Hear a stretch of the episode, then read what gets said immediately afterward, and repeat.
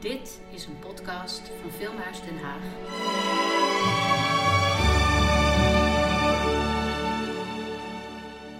Dit is een podcast over de geschiedenis van de filmmuziek.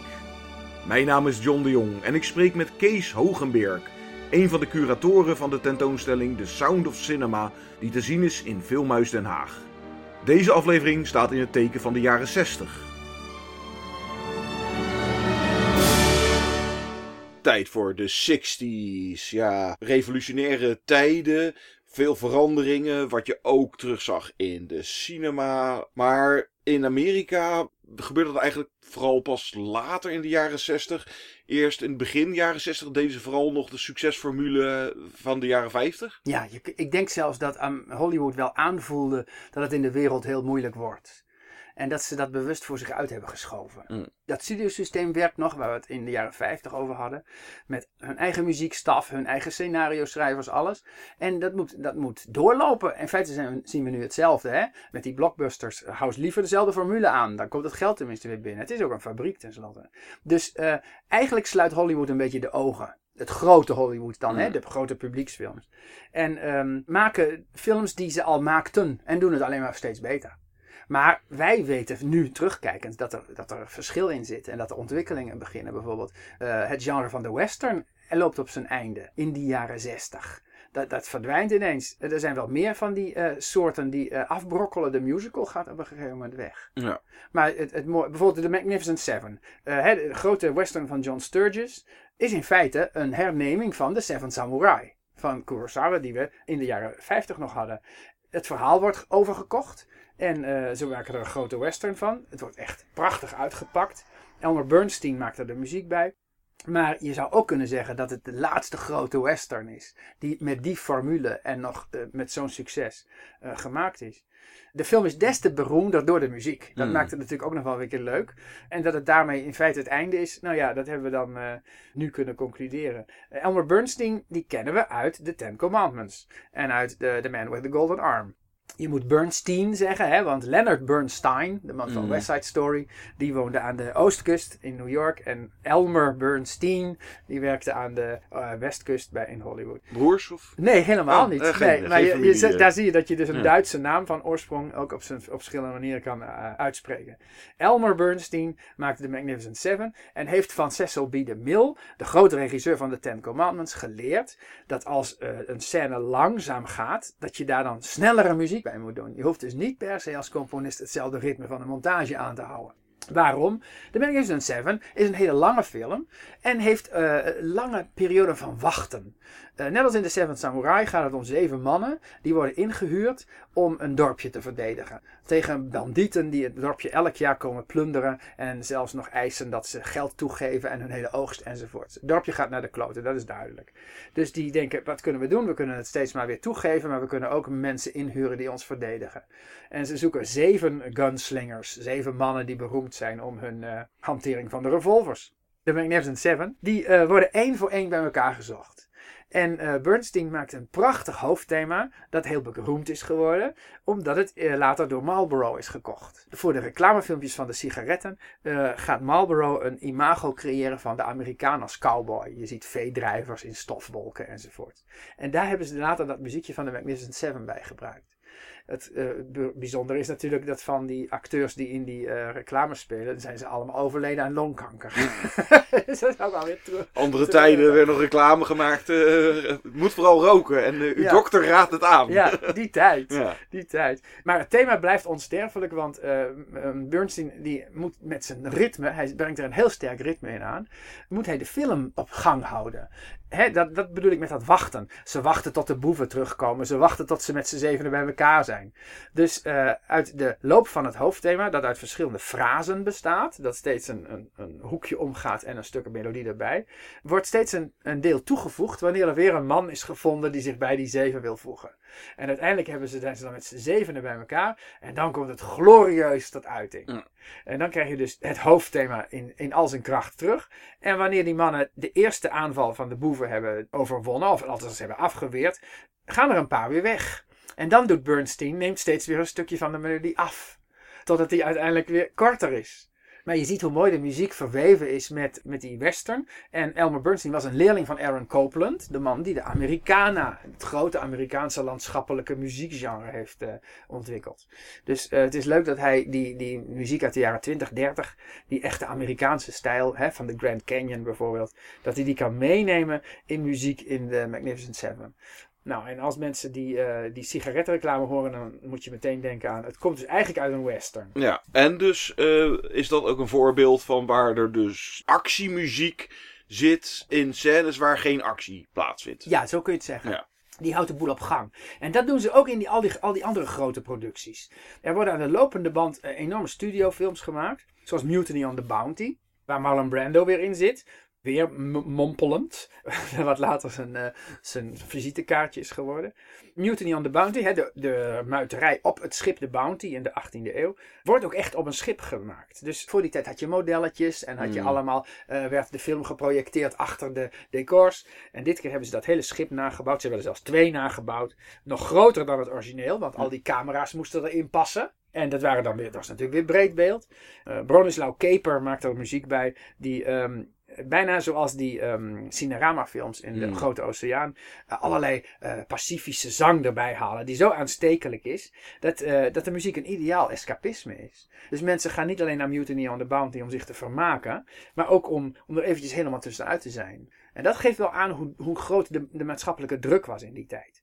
Er ontstaat ook een soort propaganda die, die zo verhuld is dat je het bijna niet, niet doorhebt. De film Taras Bulba bijvoorbeeld gaat over de oorspronkelijke Kozakken in de Oekraïne. Mhm. Tony Curtis en uh, Jill Brunner spelen uh, twee um, Oekraïners in feite. Frans Waxman maakt daar muziek bij. Waxman is een van die emigrees uit Midden-Europa. Ja, uit de jaren 30. Uit de jaren 30. Ja. En die, al, die al heel lang films maakt in, uh, um, in Amerika. En uh, die maakt er een soort kozakkendansen bij. Die, die enorm meeslepend zijn. Zodat je je aan die kozakken gaat hechten. Mm. Maar in feite vertelt die film dat Oekraïne de oorsprong is van het um, zelfstandige gevoel van uh, de eigenwaarde van de trots van een van de deelstaten van de Sovjet-Unie. Mm. Dus um, Taras Bulba kun je ook zien als propaganda, als een soort prik aan, aan uh, Rusland, op dat moment de grote vijand van de Verenigde Staten, om uh, zijn eigen substaten, zijn onderdeel van de uh, Sovjet-Unie, te laten gaan. Mm. Althans om de Oekraïners, die nu alweer hetzelfde probleem hebben met de Krim, um, tussen Rusland en Oekraïne, om die een beetje een stootje te geven. De Russen deden hetzelfde hoor. Uh, The Gadfly is een film uit het eind van de jaren 50 met muziek van uh, Shostakovich. Dat is een Russische film. En die gaat over de Italiaanse vrijheidsstrijd in het eind van de 19e eeuw. Um, waarbij de Italianen worden opgeroepen om in opstand te komen. Nou, dat is een Russische film die gaat over Italianen die in opstand moeten komen. Ja. En dan moet je bedenken dat in Italië de communistische partij de grootste was van heel Europa. Dus de, dus de, de communistische partij was natuurlijk toegestaan, want het is een democratie. En uh, dat was de tweede partij van het land. En die ging traditioneel in tegen de Christen-Democraten. Dus uh, het, het, uh, het, politieke spel wordt ook in de cinema uitgevochten. Ja, zo, zowel uh, aan de ene van beide als, kanten. van beide kanten. Ja, ja, ja, van beide kanten. En misschien wel nou, het mooiste of meest indrukwekkende epos van begin jaren 60. En fantastische score. Lawrence of Arabia, ook een grote Oscar-winnaar. David Lean van Maurice Jarre, een van de mooiste soundtracks, scores die ik ken. Ja, ben ik met je eens, ja. Uit 1962. Het grappige is, het is een, een Franse componist, Maurice Jarre, de vader van Jean-Louis. Um, Jean-Michel. Jean-Michel Jarre. Jarre. Dat is zo'n uh, zo synthesizer Precies, ding, de synthesizer dingen. ja. Maurice Jarre, die vertelde mij in een interview dat hij ook in Lawrence of Arabia dus, een synthesizer heeft gebruikt. Ja? En dat, had ik, ja, dat wist ik toen ook nog Hm. niet. Toen moest ik later nog eens een keer gaan kijken. Hij zei, het was zo'n groot apparaat dat de hele studio ermee gevuld was. Hij, we, we zaten in een eetzaal en hij zei, de computer was zo groot als deze eetzaal. En uh, waar gebruikt hij dat, die synthesizer? Uh, wanneer het om de hitte gaat.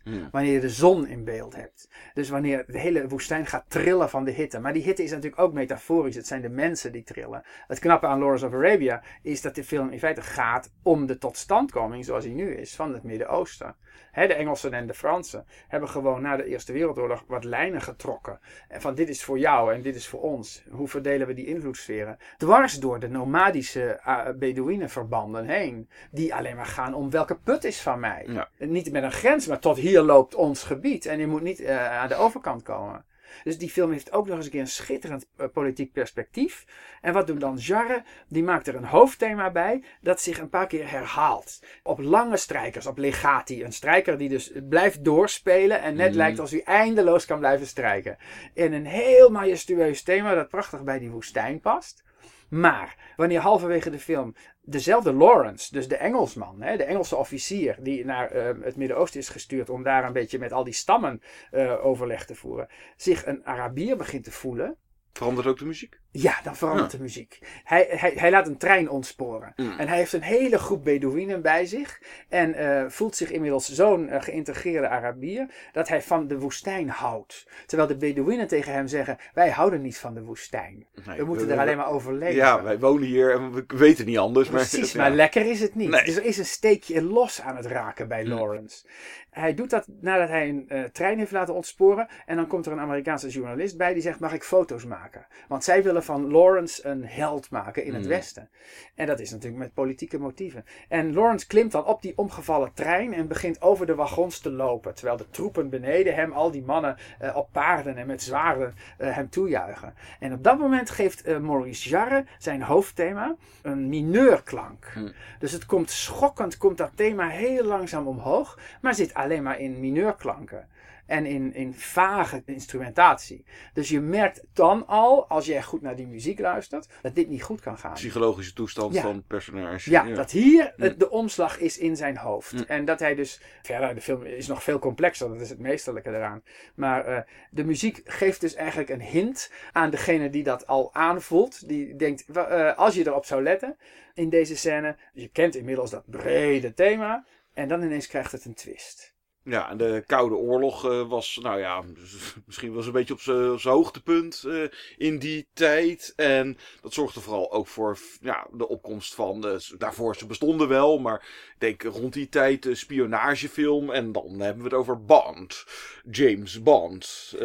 Merkte je de invloed ook van de muziek, dat die anders was bij spionagefilms? Of door Bond misschien wel? Ja, ja, dat merk je. Eh, om te beginnen, wat je zegt is correct. Er waren al wel wat films over eh, spionage en eh, vooral na de Tweede Wereldoorlog. Ja, rond die Hè, tijd. had ja. je al, al film noirs gehad met allerlei schuivende dingen zoals The Third Man. Maar ineens, je moet niet vergeten, in 1962 breekt de Cuba-crisis uit. En Gorbachev, nee, Gorbachev, Khrushchev stuurt raketten naar Cuba. En Kennedy moet die halverwege tegen zien te houden. En het wordt een soort pokergame. Het wordt bluffspel. En het is echt maar op het nippertje goed gegaan. Want Cuba hoorde bij de Sovjet-Unie. Hm. En eh, de Verenigde Staten beschouwen Cuba als iets in hun achtertuin. Die willen daar niet die raketkoppen hebben. Nee. Het is met veel ehm poeha, maar ook vooral met veel spanning, is dat opgelost. En dan hebben we het over 1962. Kennedy is nog maar net president, dus er zit ook een hoop eh, verwachting in. Eh, hij brengt eindelijk weer eh, ehm, nou, een optimisme in de politiek. En dan heeft de Verenigde Staten het gevoel dat ze ehm, een beetje kunnen relaxen, zou je Mm. kunnen zeggen. Want ze hebben deze slag gewonnen. En precies in datzelfde jaar, 1962, komt de film Dr. No in de bioscopen. Dat is de eerste James Bond film. En eh Dr. No geeft daarmee een zetje. Het is zo'n populaire film. eh, met een, een spion die eh, juist ehm, smooth en handig is en makkelijk. En allerlei dingen doet die niet mogen. Dat, het, het, het roept een genre op. Ja. Het heeft een enorm succes. Natuurlijk zijn eigen serie. Het bestaat nog steeds. Bestaat Ja, nog ja. steeds. We zijn aan het 25e James Bond toe. Maar ook allerlei. eh, em, je krijgt allemaal kopieën van James Bond. Hm. Iedereen wil mee op die trip. En eh, nou, wat de muziek betreft kun je zeggen dat er voor James Bond en eigenlijk daarmee voor de spionagefilm uit de jaren 60 een eigen muziekstijl is gekomen. Hm. Die er voordien nog niet was. Een beetje jazzy. Ja, het is beslist jazzy. En dat jazzy, dat hoort natuurlijk bij de jaren 60 van cocktails en eh, mooie kleren en eh, het omgaan met elkaar. Want jazz was spannende muziek. Maar Mm. er ontstaat dus een soort emancipatie van de jazz, kun je zeggen. Het gaat nu niet meer om jazz die allerlei slechte dingen vertegenwoordigt, zoals in de jaren 50. Zoals drugs en geweld en incest enzovoort. Nu is het ineens jazz die ehm, smooth is. Je, het is misschien niet de jazz eh, van de sessies en de, en de East Coast en de, en de hot jazz, maar het is wel jazz. Mm. Het is een vorm van het gebruik van instrumenten op een bepaalde manier. En eh, John Barry is de componist van, het, ehm, van die James Bond muziek. Er is een conflict tussen hem en Monty Norman, die eigenlijk was gehuurd voor de film Dr. No. Monty Norman heeft het themaatje, die krijgt de credits voor het themaatje. Oh het beroemde James Bond.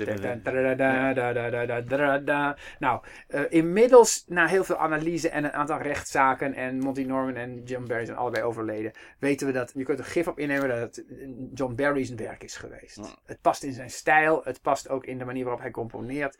Hij werd erbij geroepen als arrangeur, want de oorspronkelijke producenten vonden de muziek die eh, Monty Norman had gemaakt bij Dr. No alleen maar, eh, ja, het was een soort tropische, gezellige calypso muziek. Het het. past niet. Nee. Nee, het was alleen maar muziek die je in barretjes hoorde. Mm. Of die eh, door die drie eh, blinde boeven werden, be- werd begeleid. Three Blind Mice en Underneath the, the Mango Tree en zo. Mm. Maar een dramatische score zat er bijna niet in. Dus ze hadden een arrangeur nodig. En John Barry werkte in Londen met een bandje, met zijn eigen, de John Barry Seven. En die, en die begeleidde allerlei eh, hippe artiesten van dat moment. Zoals Adam Faith. Hij had er maar één keer voor Adam Faith had hij een filmpje gedaan. Adam Faith was een popartiest en die wilde bekend worden. Dus die maakte een film. Hij vroeg zijn beste vriend John, John Barry voor de muziek. Daar begint het allemaal.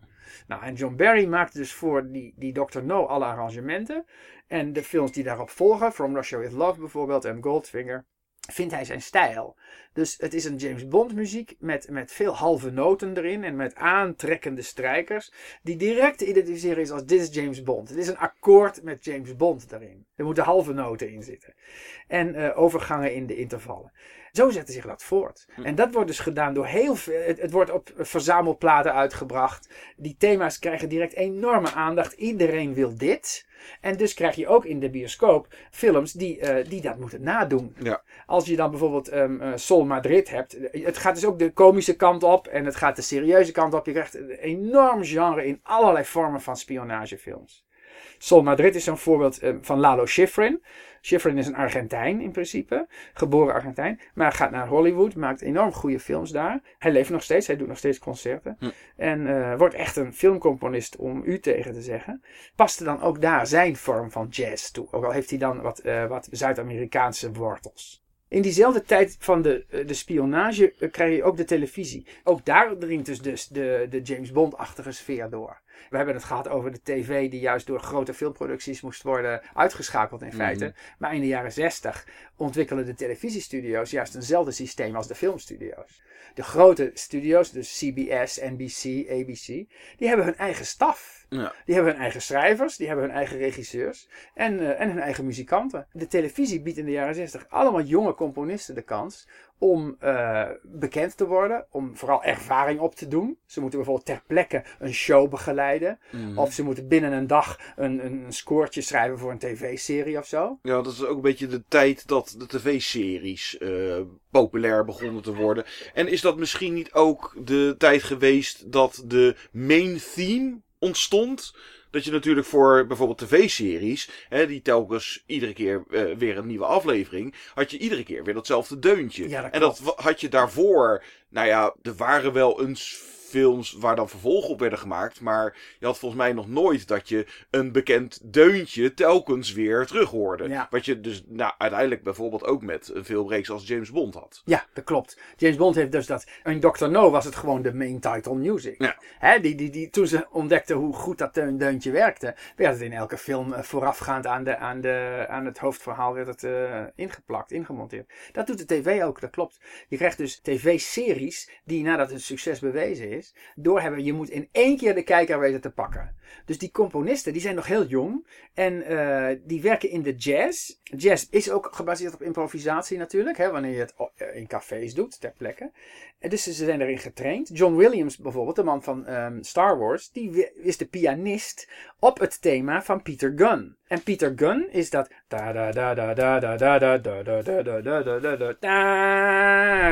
Weet je wel, dat is later door Emerson, Lake en Palmer nog een gigantische hit geworden. Maar dat komt van Henry Mancini. Mm. En die heeft een themaatje moeten maken, waarop dus, eh, weten we nu, John Williams notabene de studiopianist is. Mancini die eh, maakt met dit themaatje zoveel eh, los, dat mensen zeggen, hier, hier kan een hele serie achteraan komen. Peter Gunn gaat namelijk ook over een detective. Dus het sluit aan bij die spionagegolf.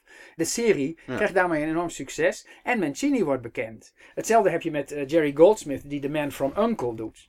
Ook dat zijn weer formules die nu zo'n succes hebben. Dat we nu Mm. ineens de speelfilms van The Man from Uncle krijgen. Ja. En Lalo Schifrin doet Mission Impossible. Dat ook als tv-serie is begonnen. Nou ja, En steeds maar weer met hele herkenbare goede thema's. ja, de main themes, ja. De main echt, themes. echt allemaal ontstaan, denk ik, in die tijd. die ontstaan in die tijd. En het mooie is ook in die studio's, in dat studiosysteem, leren eh, componisten en regisseurs kennen. En die regisseurs zijn dus aanvankelijk ook jonge lui die beginnen met tv-series te regisseren.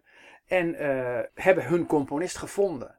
En dat is in filmmuziek heel belangrijk. De, de componist is als het ware de, de psycholoog van de film. Hmm. Dat wil zeggen, als een regisseur klaar is met filmen en met monteren en het eh, verhaal af heeft en denkt bij het herzien, ja, nu, nu weet de kijker nog niet eh, wat er in het hoofd van die hoofdpersoon omgaat, dan komt hij bij de componist terecht. Ja. En daarom is filmmuziek zo belangrijk. Ja, spanning creëren, Maar- emotie. ja, maar ook eh, emoties. ja. Het, gevoel geven wat, eh, dat er iets mis is, bijvoorbeeld. Of dat er iets aan zit te komen. En eh, dat kun je vaak niet in, in acteerwerk leggen. Of in, eh, of in montage zelfs. Dus dat gaat de muziek doen. En dan ontstaan er verbanden. Peter Gunn bijvoorbeeld, daarvoor de eerste, de eerste paar afleveringen worden Blake Edwards geregisseerd. En Blake Edwards heeft daarmee zijn componist gevonden, Henry Mancini. En die twee werken later nog een keer, ik geloof in totaal 30 keer samen of zo. Pink Panther. Eh, De Pink Panther is zo'n voorbeeld. Ja. En- Ook, ook weer zo'n eh, main theme wat telkens weer terugkomt. ja, ja, nou de Pink Panther is een heel, heeft, een, heeft een leuk verhaal. Want eh, dat begon als een eh, publiciteitsgrapje. De Pink Panther uit 1963. Hè, we hebben het eventjes nog niet over de televisieserietjes. Maar over de serie met Inspecteur Clouseau. Ja. Nou, Blake Edwards kende nu Henry Mancini al goed. Ze weten precies wat voor stijl ze hebben. Ze houden allebei van slapstick in feite. Ze hebben bedacht voor de Pink Panther dat er een publiciteitscampagne moet worden opgezet waarin die roze panter een rol speelt. Maar in de film is de roze panter een vlekje, een oneffenheid in een diamant. En die diamant wordt aan een prinses gegeven. En daarna gestolen natuurlijk. Die het diamant is zo groot dat er een heel klein eh, missertje in zit. In, een, in de karaats. En die heeft toevallig de vorm van een panter. Eh, De diamant is ook nog van roze, roze steen. Dus het is een roze panter. Zo komt het verhaal aan. De, de, de Pink Panther is dus eigenlijk een diamant. Eh, ze hadden een, figuurtje getekend om de affiches en de reclamecampagnes mee te voeren. Het was tenslotte een komedie, dus zo serieus hoef je het niet te nemen. Blake Edwards, de regisseur, dacht: Nou, dit figuurtje is zo leuk, ik gebruik het in de main title. Dus hij heeft dezelfde tekenaars van het pantertje gezegd: maak een getekende titelrol. En in die titelrol, ook daar speelt de muziek weer een rol, beweegt de panter die we daar zien op de maat van de muziek. Hm. En bij elke letter die er komt, bij elke uithaal van de trombones, eh, als hij fluit naar de naam van ehm, Claudia Cardinale, dan krijgt hij een klap van een witte handschoen. Allemaal op de maat van de muziek. Nou, en dat op zijn beurt, dus die getekende main title, heeft weer zo'n succes. Dat nadat de film ook nog eens een keer een geweldige hit is, eh, die twee tekenaars denken, we maken hier een serietje van. Hm. En dat serietje werd bovendien eerst gemaakt in korte tekenfilmpjes voor de bioscoop. Die draaiden dus in een voorprogramma. In 1963 heeft hun eerste filmpje, de Pink Fink heet dat, Fink met PH, eh, wint zelfs de Oscar voor beste korte film. Dus het, het, het begint allemaal als een handschoen, als vingers in een handschoen in elkaar te passen. Dat themaatje van Mancini is weer zo bekend geworden. Dat het dus voor alle volgende Pink Panther films, maar dan met Inspector Clouseau, Hmm. het, het leidmotief werd. Ja. En het grappige is nog veel mooier dat in de Pink Panther film zelf, die film uit 1963, het motiefje van de Pink Panther,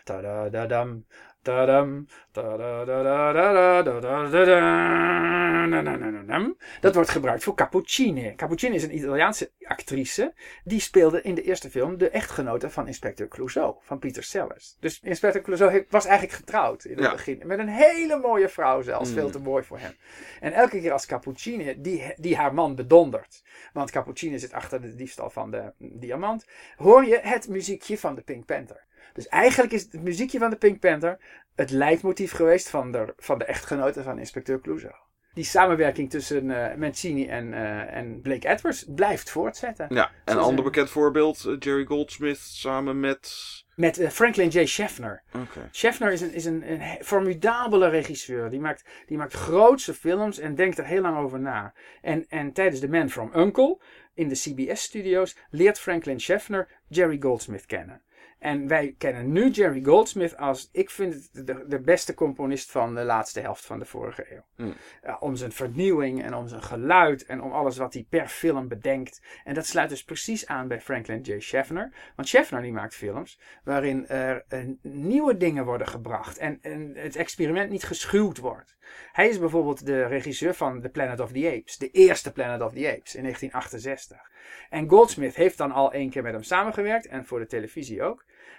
En eh, mag dus iets creëren wat zo vreemd is dat wij als het ware het idee van de astronauten die op een planeet terechtkomen, waarvan ze denken wat gebeurt hier in godsnaam, in hun hoofd zitten. Dus de muziek die brengt die bevreemding voort. En dat doet Goldsmith in dit geval. Goldsmith wist voor elke score een geluid of een instrument of een motiefje te vinden wat heel specifiek met dat verhaal verbonden is. Hmm. Voor Planet of the Apes bijvoorbeeld laat hij de koperblazers het mondstuk van hun trompet of hun tuba of hun trombone eraf halen en ze alleen maar door dat mondstuk blazen. Dus je krijgt een heel schel, maar ook vreemd, eh, scheef geluid. En dat creëert hij dus zelf. Hij zoekt instrumenten, of hij maakt ze, die eh, het verhaal verder helpen. Die dan overbrengen op ons, ja, wat er mis is, of wat er gebeurt. En samen doen ze nog een keer Patton in 1970 Mm. bijvoorbeeld. En dat is eh, een grootse film over de generaal Patton. Die, die een soort messias-complex heeft. Hij, heeft echt, hij was echt een generaal Patton. Hè, die ook Ja. later in Europa terechtkomt. Omdat hij wil doorstoten naar Berlijn. En verder alles vergeten. Al zijn collega's enzovoort. Nou, dat deed hij in de, in de woestijn ook al. Bekende Mars zit er toch ook geloof ik? Ja, nou, en daar zit een mars in. Ja. Met een soort eh, echo in de trompetten. De trompet is altijd het eh, symbool voor de eenzaamheid van een karakter. Maar in dit geval krijgt het de trompet. Die sterft weg in de diepte. En dan gaat Goldsmith een orgel gebruiken, een kerkorgel. Want Patton, en dat is echt, dat is echt waar, die had het idee dat hij door God gezonden was. Hmm. En dat hij, een, eh, dat hij, een hij geloofde in reïncarnatie bijvoorbeeld. Mm.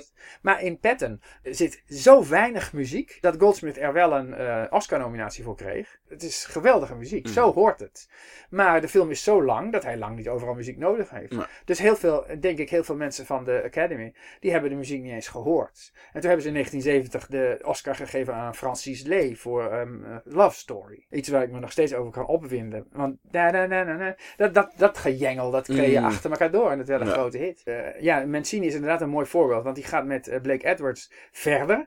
Samen maken ze Breakfast at Tiffany's met ehm, Audrey Hepburn. En eh, de film is zo'n succes. Vooral door het liedje dat Henry Mancini erbij schrijft. En dat is Moon River. Ja.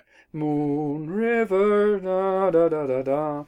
Dat wordt zo'n hit. Hij wint er een Oscar mee voor het liedje en voor de score. Dat eh, de producenten vanaf dat moment denken: oh, wacht, een hit. Een liedje in een film kan ook nog eens een keer. Ten eerste verkoopt het plaatje los op single. Het wordt overal gehoord, dus het trekt mensen naar de film toe. Mhm. En eh, het wint nog Oscars als het goed geschreven is ook. En dat Ja. kunnen die componisten allemaal. Je kunt zo'n componist kun je vragen om een hele score te schrijven in orkestrale vorm. Maar die doen ook, schudden ook liedjes gewoon uit hun mouw. Hè? Ja. Het is een nieuw fenomeen. Wat tegelijkertijd later ook wel druk legt op de componisten. Want eh, ze worden vaak door producenten gevraagd, ook als ze dat helemaal niet nodig vinden. Dan componeer ook even een liedje dan. Ja, doe er even een liedje bij. Ja. Ja, ja. Dat, doet Quincy Jones bijvoorbeeld in The Heat of the Night. En Quincy Jones is een eh, zwart, dat is, notabene, dat is een van de eerste zwarte muzici die dus eind de jaren 60 eindelijk ook als componist eh, gewoon bij de groep hoort. Hmm. Hij is eerst bij een platenmaatschappij begonnen omdat hij werd aangenomen om contact te onderhouden met zijn zwarte vrienden. Hmm. Met de jazzmuzikanten die overal hier en daar zaten. En daarna later ging hij dus ook filmmuziek schrijven. En hij kent Ray Charles bijvoorbeeld heel goed. In The Heat of the Night, wat trouwens een hele scherpe, kritische film is over een zwarte politieinspecteur. Die wordt geconfronteerd met een witte commissaris, een witte sheriff zou je bijna kunnen zeggen, als hij een moord moet oplossen. En dus het hele racistische drama komt eh, naar voren in 66, 67. Ja, Sidney Poitier. eh Ja, They call me. Mr. Tips. Ja, ja dat, de film krijgt toch een succes en krijgt vervolg. Ook weer met muziek van Quincy Jones. Hmm. En Quincy Jones maakt dus een song voor Ray Charles. En die zingt met zijn rauwe stem. In the heat of the night. En eh, daarmee, dit is dus een heel geslaagd voorbeeld van Hmm. de song die de, die de film verrijkt. Die eh, hoort bij die score. Ja, dus de populariteit van de songs. Daarmee eh, werd er reclame gemaakt ook voor de films. En dat zorgde weer voor platen. En dan zag je dus ook dat bijvoorbeeld popartiesten of popbands ook in films verschenen. Ja. Ik eh, roep even, nou, Elvis bijvoorbeeld, of de Beatles en eh surf rock, omdat, nou ja, dat waren natuurlijk artiesten die waren populair bij de jeugd. En kreeg je op die manier dat, nou kan je het al musicals noemen, het is een ander soort musicals, maar dat film en soundtrack onlosmakelijk met elkaar verbonden zijn, doordat er dus ook artiesten als een Elvis ja, in die films zitten, Ja. is het automatisch een muziekfilm. Ja, het is een muziekfilm. Ja. Ja. En je kunt, ik zou het inderdaad geen musical meer noemen, maar muziekfilms. Eh, het is een mes dat aan twee kanten snijdt. Ja. Je hebt dus ontdekt via de oorspronkelijke, de, de klassieke films zoals Breakfast at Tiffany's, dat een song iets kan doen. Eh, voor de, de grote filmcomponisten heeft dat een nadeel, want de producenten denken alleen maar in, in geld en verkoopbaarheid. En die denken, ja, als een componist een liedje kan schrijven, dan kan een popartiest eh, dat ook. Maar we moeten niet vergeten, het hele woord popmuziek bestond nog niet. Nou, Dat is Hè, in de- pas in de- en- in het einde van de jaren 50 krijg je de eerste rock and roll. En dat is nog de blanke rock and roll. Hè? Die Elvis bijvoorbeeld, die begint liedjes te zingen. En dan hij, wordt hij ook acteur. En die liedjes worden weer populair. Dus het wordt een, een, een soort film op zich. En eh, die zijn gebaseerd op die ouderwetse zwarte rock and roll. Die, die, dat wordt langzaam witter. En je hebt overal, ook in Europa, ineens van die populaire artiesten, zoals Adam Faith, waar ik het net over had, die met John Barry gaat werken, die eh, de jeugd in de bioscoop brengen. En we zitten dus midden in de jaren zestig. En dan eh, ontstaat ook het protest tegen eh, Vietnam bijvoorbeeld. Je krijgt de, de love, peace en happiness. En je krijgt de pil wordt uitgevonden. Mm. Dus er ontstaat een revolutie als het ware in de maatschappij. Waarbij de jongeren veel meer rechten opeisen. Ze gaan zich verzetten tegen allerlei dingen waar ze niet mee eens zijn. Ze, ze willen vrijheid op de universiteit in, in Parijs bijvoorbeeld. Ze willen vrijheid in de seks. Eh, ze gaan popfestivals organiseren die tot diep in de nacht doorgaan en dagenlang duren bijvoorbeeld. En dat gaat allemaal een rol spelen in de film. En dan zeg ik dus, dat is ook weer het nadeel van de filmcomponisten, want die worden ineens eh, niet meer nodig geacht. Mm. Voor grote projecten wel, hè. Dus, dus Hollywood gaat door, die gaat gewoon stug door. Die doet alsof er niks aan de hand is. Ja. Hello Dolly is zo'n musical die dan ook een enorme flop is, maar die wel een heleboel Oscar-nominaties krijgt. Dus dat wil zeggen dat de Academy in Hollywood denkt van nee, dat vinden wij nou het allerbeste, Mm. weet je wel. Maar financieel werd het zelfs, ondanks de rol van Barbara Streisand, werd het een gigantische misser uit 1968. Dus daar gaat ook het genre de musical gaat ten onder. Ja, want de jeugd gaat allemaal naar films naar- met Elvis. Ja. En het, eh, wat, wat grappig is, want nou ja, dat was natuurlijk een beetje de, de rebelse jeugd van toen. Maar als wij nu naar, ik roep even zo'n film met Elvis. Ja, dat is voor ons een beetje oudbollig. eh, Ja, maar je moet niet vergeten, eh, zelfs het tonen van een petticoat, hè, dat waren al die rokjes die die meisjes over elkaar Mm. aandroegen. Elke, elke fase in het steeds vrijer worden van de mens is een schok. Zoals in de Victoriaanse tijd onder koningin Victoria eh, rond 1900 alles zo eh, bedekt werd dat als een vrouw al een blote enkel liet zien, een man Mm. een orgasme kon krijgen, Ja. bij wijze van spreken. dus zo erg, zo erg kan het zijn. Dus dit was wel degelijk revolutionair. hmm. Zelfs, zelfs Elvis, die met, Elvis de pelvis noemden Ja. ze hem. Want hij schudde met zijn heu- heupen. Nou, wanneer schud je nou met je heupen? Ja, als je in bed ligt natuurlijk, Mm. met iemand anders. Dus ook dat was schandalig. En toch moet de jeugd dat bevechten. In Europa wordt dat nog sterker zelfs dan in de Verenigde Staten. Maar je, dat gaat er met de film mee, ja. Zo'n Elvis is nu heel braaf, vinden wij. Maar dat Mm. komt doordat wij terugkijken Ja. natuurlijk. En die liedjes waren toen ook al heel revolutionair. In, in Engeland kreeg je de swinging 60s. Hmm. Nou, dat was zo mogelijk nog gedurfder. Want eh, ineens barstte heel Londen uit van eh, feestjes en, en eh, drugs natuurlijk ook. Nieuw soorten muziek. En eh, de Beatles, wat jij al noemde, kwamen op. De Nou, Stones. eh, de eh, Stones, nou, de Beatles zijn, als we nu terugkijken naar de Beatles, zijn ze zo braaf als maar wat natuurlijk. Maar het waren wel jongens die gillende meisjes opriepen. Dus de hele, de hele vastgeroeste maatschappij van de ouderen, die, die zo hard hun best hadden gedaan om, om het land weer weder op te bouwen na de Tweede Wereldoorlog, die deed zijn broek van angst. En de- die strijd is heel heftig geweest. hmm. Maar je kan bij dat soort films bijna niet meer zeggen van dat er nog iets van instrumentale score aanwezig is. Het is bijna volledig gevuld. Nou ja, The Graduate is bijvoorbeeld eh, een eh, film met dan Simon en Garfunkel. En zit daar überhaupt verder score in? Het, iedereen kent vooral de liedjes. Ja. Mrs. Robinson, Sound Ja. of Silence. Ja, die nemen dat over. Ja, nou zit toevallig in The Graduate dat wel. Dave Grusin heeft dat gedaan. Hmm. Die, mocht een paar, die moest een paar stukjes aan elkaar breien. En omdat ze ehm, Mrs. Robinson... Dat liedje wordt zo vaak herhaald dat de regisseur ook wel wist... Mike Nichols is trouwens een erg goede regisseur... Hmm. eh, dat hij dat niet eindeloos kon volhouden. Dus die had uiteindelijk toch een componist nodig... die instrumentale stukjes zet. Tussen de verschillende scènes. Maar dat, ja, dat kent niemand. Nee, dat ken ik niet. Maar Nee. het zit er ook. Dus ze staan wel Mm. op de plaat. Ook al duurt het dan maar een paar minuutjes. En het zijn hele leuke dingetjes. En Dave Grusin wordt later een hele goede eh, jazzmuzikant. Mm. Dus die gaat door in de film. Hè, deze, deze trend is ook maar tijdelijk. Later komen de grote scores weer gewoon terug. En dat kan Dave Grusin ook. Maar ja, popmuziek neemt het over. Er zijn dus eh, gevallen waarbij eh, surffilms worden gemaakt bijvoorbeeld. waarin dan wel ehm, eh, muziek zit. Maar die door die Beach Boys-achtige muziek die Mm. ineens in de mode komt wordt Surfrock en zo. Ja, ja. ja, En, en uiteindelijk culmineert dat in Easy Rider, kun je zeggen, in 1969. Dan, dan zit er geen enkele score meer in. Dus de hele film wordt bij elkaar gezocht. Ook natuurlijk omdat het een onafhankelijke productie is. Hè? Dat, Mm. dat geldt voor al die beachfilms en voor die motorfilms. Die worden buiten de grote studio's gemaakt.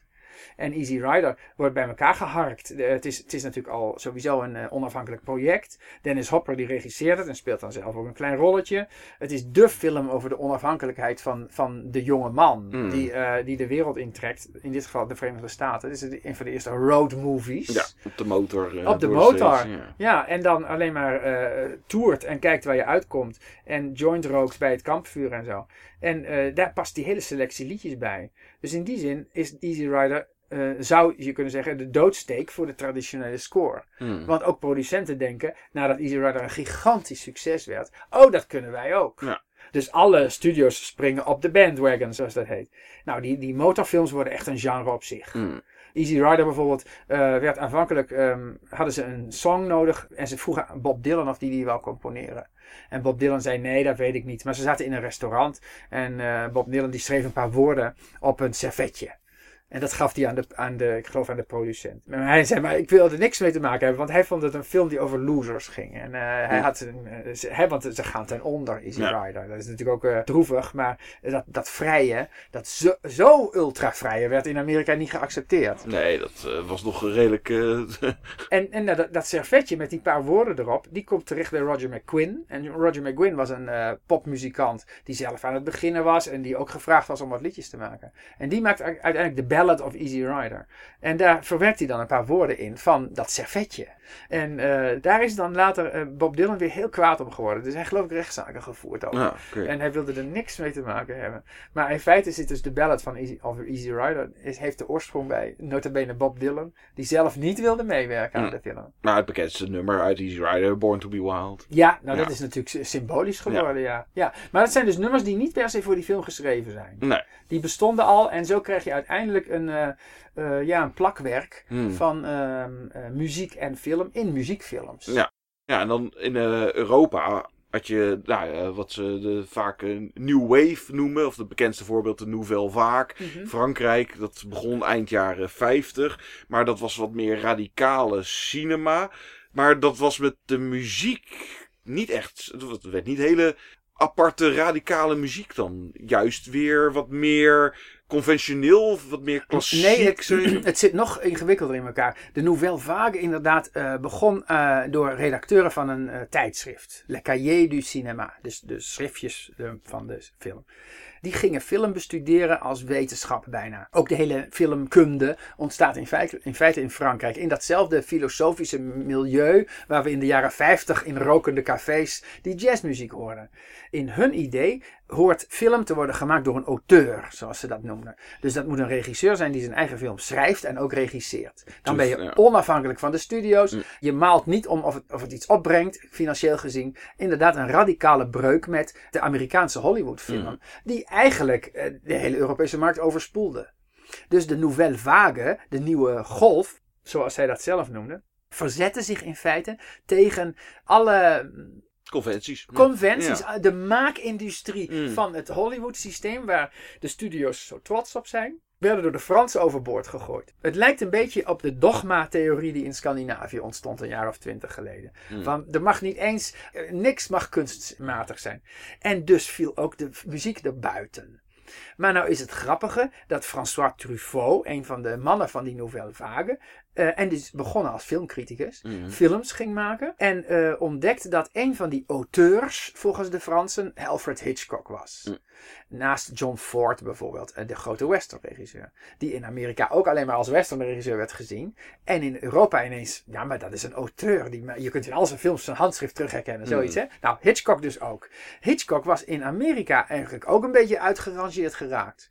Werd ook alleen maar als een eh thriller regisseur gezien. Mm. En de Fransen ontdekken dat hij films maakt volgens een script en volgens storyboards en alles wordt uitgetekend. En bovendien zit er heel veel psychologie in. En Hitchcocks eigen uh, jeugd komt elke keer weer terug. En denk maar aan zijn voorkeur voor blonde vrouwen enzovoort. En uh, François Truffaut die vraagt Hitchcock uh, series interviews af te nemen. Mhm. En daar schrijft hij een boek over, dat heel fameus is geworden. Een boek ook dat ik iedereen kan aanraden als jij films wil gaan maken. Want Hitchcock legt helemaal uit wat hij doet. En zo komen ze op Bernard Herrmann terecht. Want Herrmann is de vaste componist van uh, Alfred Hitchcock. Zo leert François Truffaut inzien dat de muziek bij een van zijn favoriete regisseurs wel degelijk een grote rol speelt. En dan moet hij dus afscheid nemen van zijn stelling, zijn theorie, dat ook muziek in films manipulatie is. Hmm. En dat muziek in films kunstmatig is en dat dat niet moet meetellen, want de regisseur moet het helemaal op zijn eigen kracht kunnen, enzovoorts, enzovoorts, enzovoorts, wat natuurlijk niet waar is. En gaat met Georges Delerue samenwerken. Ja, volgens mij vanaf zijn debuut al. Vanaf want, het eh, debuut. De Katten Sankou Ja, eh, dat zit klopt. al eh, direct Ja. dat bekende, Ja. ja, een beetje Parijse Dat deuntje er. Loopachtige nummertje in zit daarin. En dat vind ik ook wel knap van Truffaut. Die komt terug op zijn eigen dogma. Hè? En gaat films waarin hij de componist ook een rol toespeelt. Zelfs Jean-Luc Godard, die nog theoretischer is. Mm. Die gaat samenwerken met notabene Michel Legrand in een paar films van hem. En Legrand wordt later de, de grote musical eh, bijna-achtige componist. Hè? Die, hij is weliswaar een jazzmuzikus, Legrand. Maar ehm, maakt hele toegankelijke muziek. En gaat voor grote producties werken. Ja, ze samenwerken met Jacques Demy. Ja. Voor eh, Le Parapluie de Cherbourg en Le Demoiselle de Rochefort. De twee eh, volledig gezongen... Precies. Volledig gezongen. En Ook dat is natuurlijk door Jacques Demy bedacht. Hè, je, je had naast de opera de operette Mm. in de 19e eeuw. En de operette was wat lichter van toon. Maar ook alle dialogen werden gezongen. Mm. En eh, in onze oren klinkt de operette nog steeds een beetje vreemd. Nou, wat doet eh, Demy samen met zijn vrouw Agnès Varda? Verzinnen ze verhalen waarin het eigenlijk alleen maar gaat om relaties. Le Parapluie de Cherbourg gaat in feite om twee zussen die in een parapluwinkel werken. En dan komt er een leuke jonge man en eh, ze moeten terug naar enzovoort enzovoort. En maakt er niet alleen een musical van, maar ook alle dialogen onderling worden gezongen. En dan komt hij bij eh, Michel Legrand terecht, die al een keer met, met Agnès Varda heeft samengewerkt met zijn vrouw. En zegt, nou, er moet een complete partituur komen. Hm. En zo wordt eh, Le Parapluie de Cherbourg een soort revival van de filmmuziek in feite.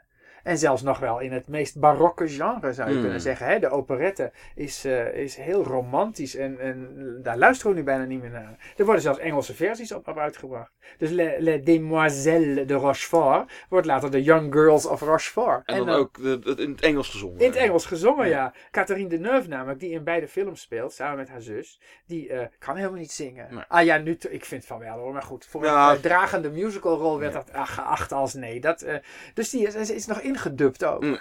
Dus het is allemaal eh, het grootste kunstmatige werk wat je maar kunt voorstellen. De decors die zitten gewoon, liggen gewoon op de studio. De kleurtjes zijn honingzoet. In die zin is het heel snel gegaan. Zeg ja. tussen die rockfilms met muziek en eh, dingen.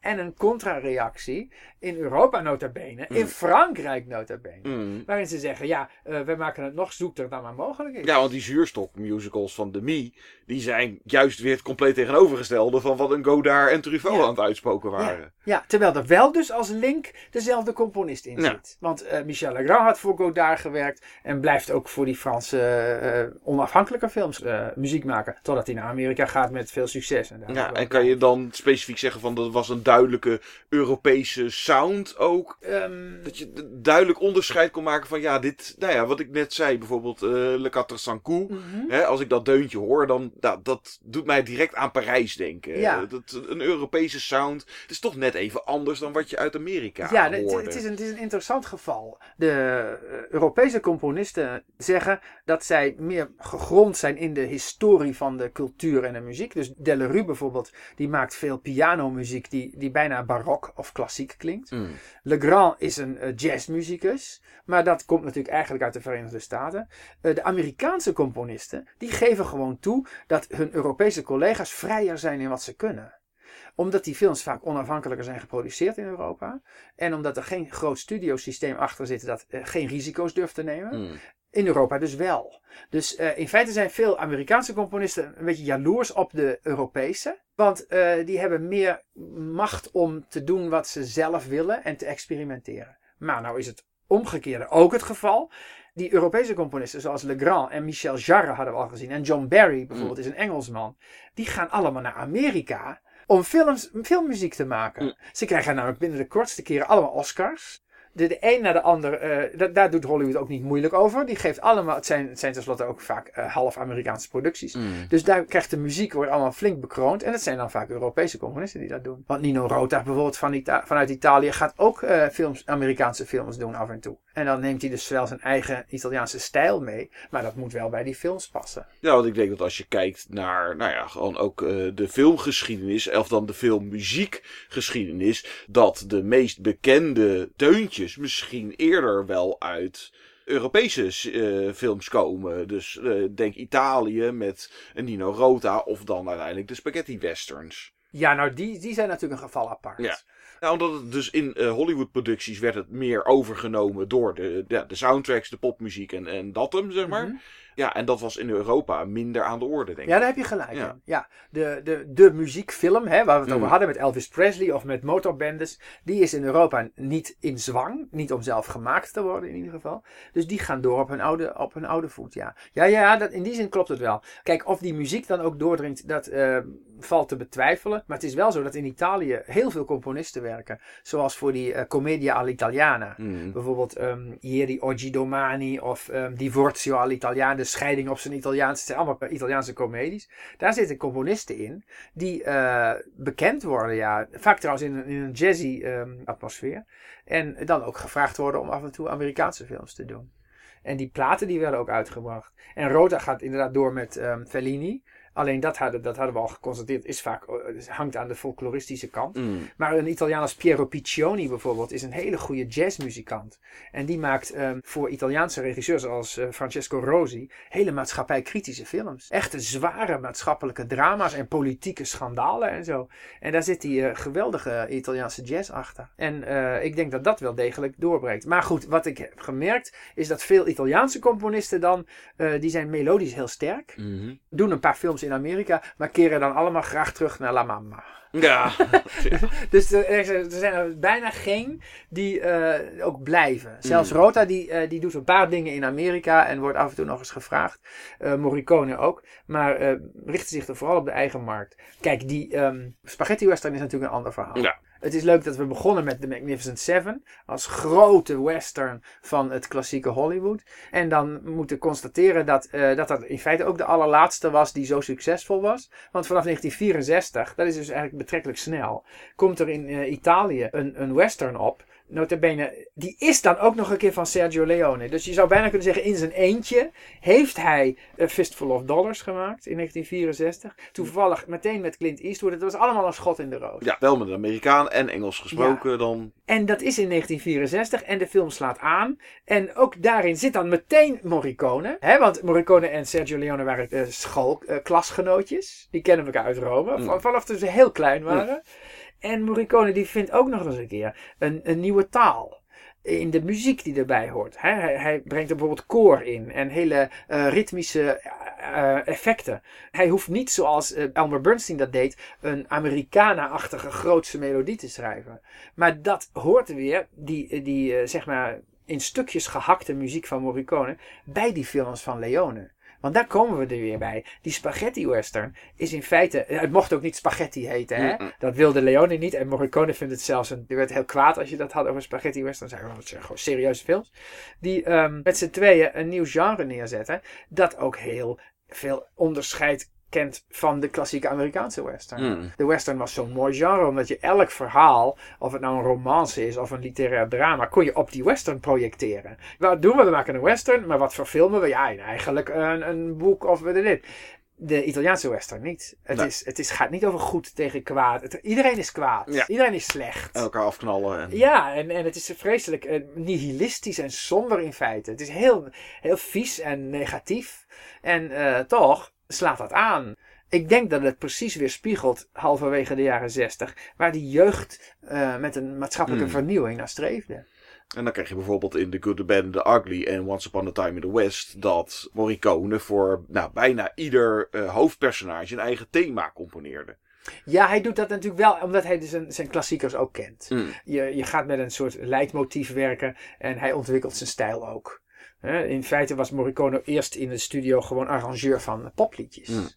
Net als John Barry in feite voor spionagefilms Mhm. deed, ontwikkelt Morricone een soort idioom van wat de western moet doen, de spaghetti western. En die heeft zo'n succes dat er honderden spaghetti westerns worden gemaakt, veel meer dan wij kunnen voorstellen. En die worden ook allemaal in Europa opgenomen, hè? Dus in Spanje of op de Balkan. Ja. Je krijgt de goulash western en de schnitzel western. en Dat is eigenlijk wel grappig, want het Amerikaanse filmgenre, de western, maar misschien wel de, eh, wat men kent, de bekendste western deuntjes, zijn uit de spaghetti westerns Ja. uit Italië, Ja. van, van Morricone. Ja, inderdaad. Maar was hij met, dus bijvoorbeeld, nou, het bekendste voorbeeld, Once Upon a Time in the West, met harmonica, die heeft zijn eigen deuntje. Gebeurde dat daarvoor al wel, of was hij redelijk vernieuwend dat eh, een hoop personages een eigen leidmotief hadden? Nou, dat is natuurlijk niet vernieuwend. Dat komt al uit de opera. Hè, dat hebben we in de jaren 20 en 30 gezien met ehm, leidmotieven die een heel verhaal vertellen. Waardoor je telkens herkent wie er aankomt lopen of waar iemand aan denkt. Dat heeft Morricone gewoon goed bestudeerd. Mm. Maar het is zijn toon die eh, origineel is. Voor The Good, The Bad and The Ugly bijvoorbeeld eh, haalt hij het koor zelfs zingend naar binnen. Ja, precies. En, en verwerkt hij de kanonschoten in de muziek. Mm. En dat doet hij met die harmonica in Once Upon a Time in the West ook. Want eh, daar zie je een schitterende overgang van source music naar score. Hè, source music is wat wij ook horen. Wat de personages ook horen. Dus die man die die harmonica speelt. Dat, eh, dat is source music. Maar die wordt vervolgens overgenomen in de score. En de score is de muziek die de personages niet horen. Hm. Terwijl wij dat wel horen. Dus, dus eh, je pakt meteen die harmonica mee. En weet waar het verhaal naartoe gaat. Ook dat is vaker gebeurd. Hè? Hmm. Maar ik vind het meer dat het eh Morricone's eigen handschrift is die heel eigen is geworden. En dat komt natuurlijk vooral door al zijn, eh, al zijn navolgers. En, en die hele stal Italiaanse componisten, die eh, kon in dezelfde stijl schrijven. Je moet er ook van houden, hè, want dan gaat het Hmm. ineens allemaal op elkaar lijken. Maar dat is het idee, het nieuwe eraan. Het is niet zozeer zijn, zijn gebruik van motieven voor iedereen, maar het is zijn, zijn eigen handschrift. Ja. En het gebruik van koor bijvoorbeeld vind ik heel opvallend in zijn spaghetti westerns. Dit was een podcast van Filmhuis Den Haag voor de tentoonstelling The Sound of Cinema. De intromuziek is afkomstig uit de film Lawrence of Arabia, gecomponeerd door Maurice Jarre. Wil je meer weten over filmmuziek? Luister dan ook naar de andere afleveringen van deze podcastreeks. Via filmhuisdenhaag.nl of in je podcast-apps. Je bent natuurlijk ook van harte welkom in Filmhuis Den Haag om daar een film of de tentoonstelling The Sound of Cinema te bekijken. Deze podcast is gemaakt door mijzelf, John de Jong, verantwoordelijk voor interview en montage. Aan deze podcast werkten mee Kees Hogenberg, Leender de Jong, Josien Buis en Geke Roelink.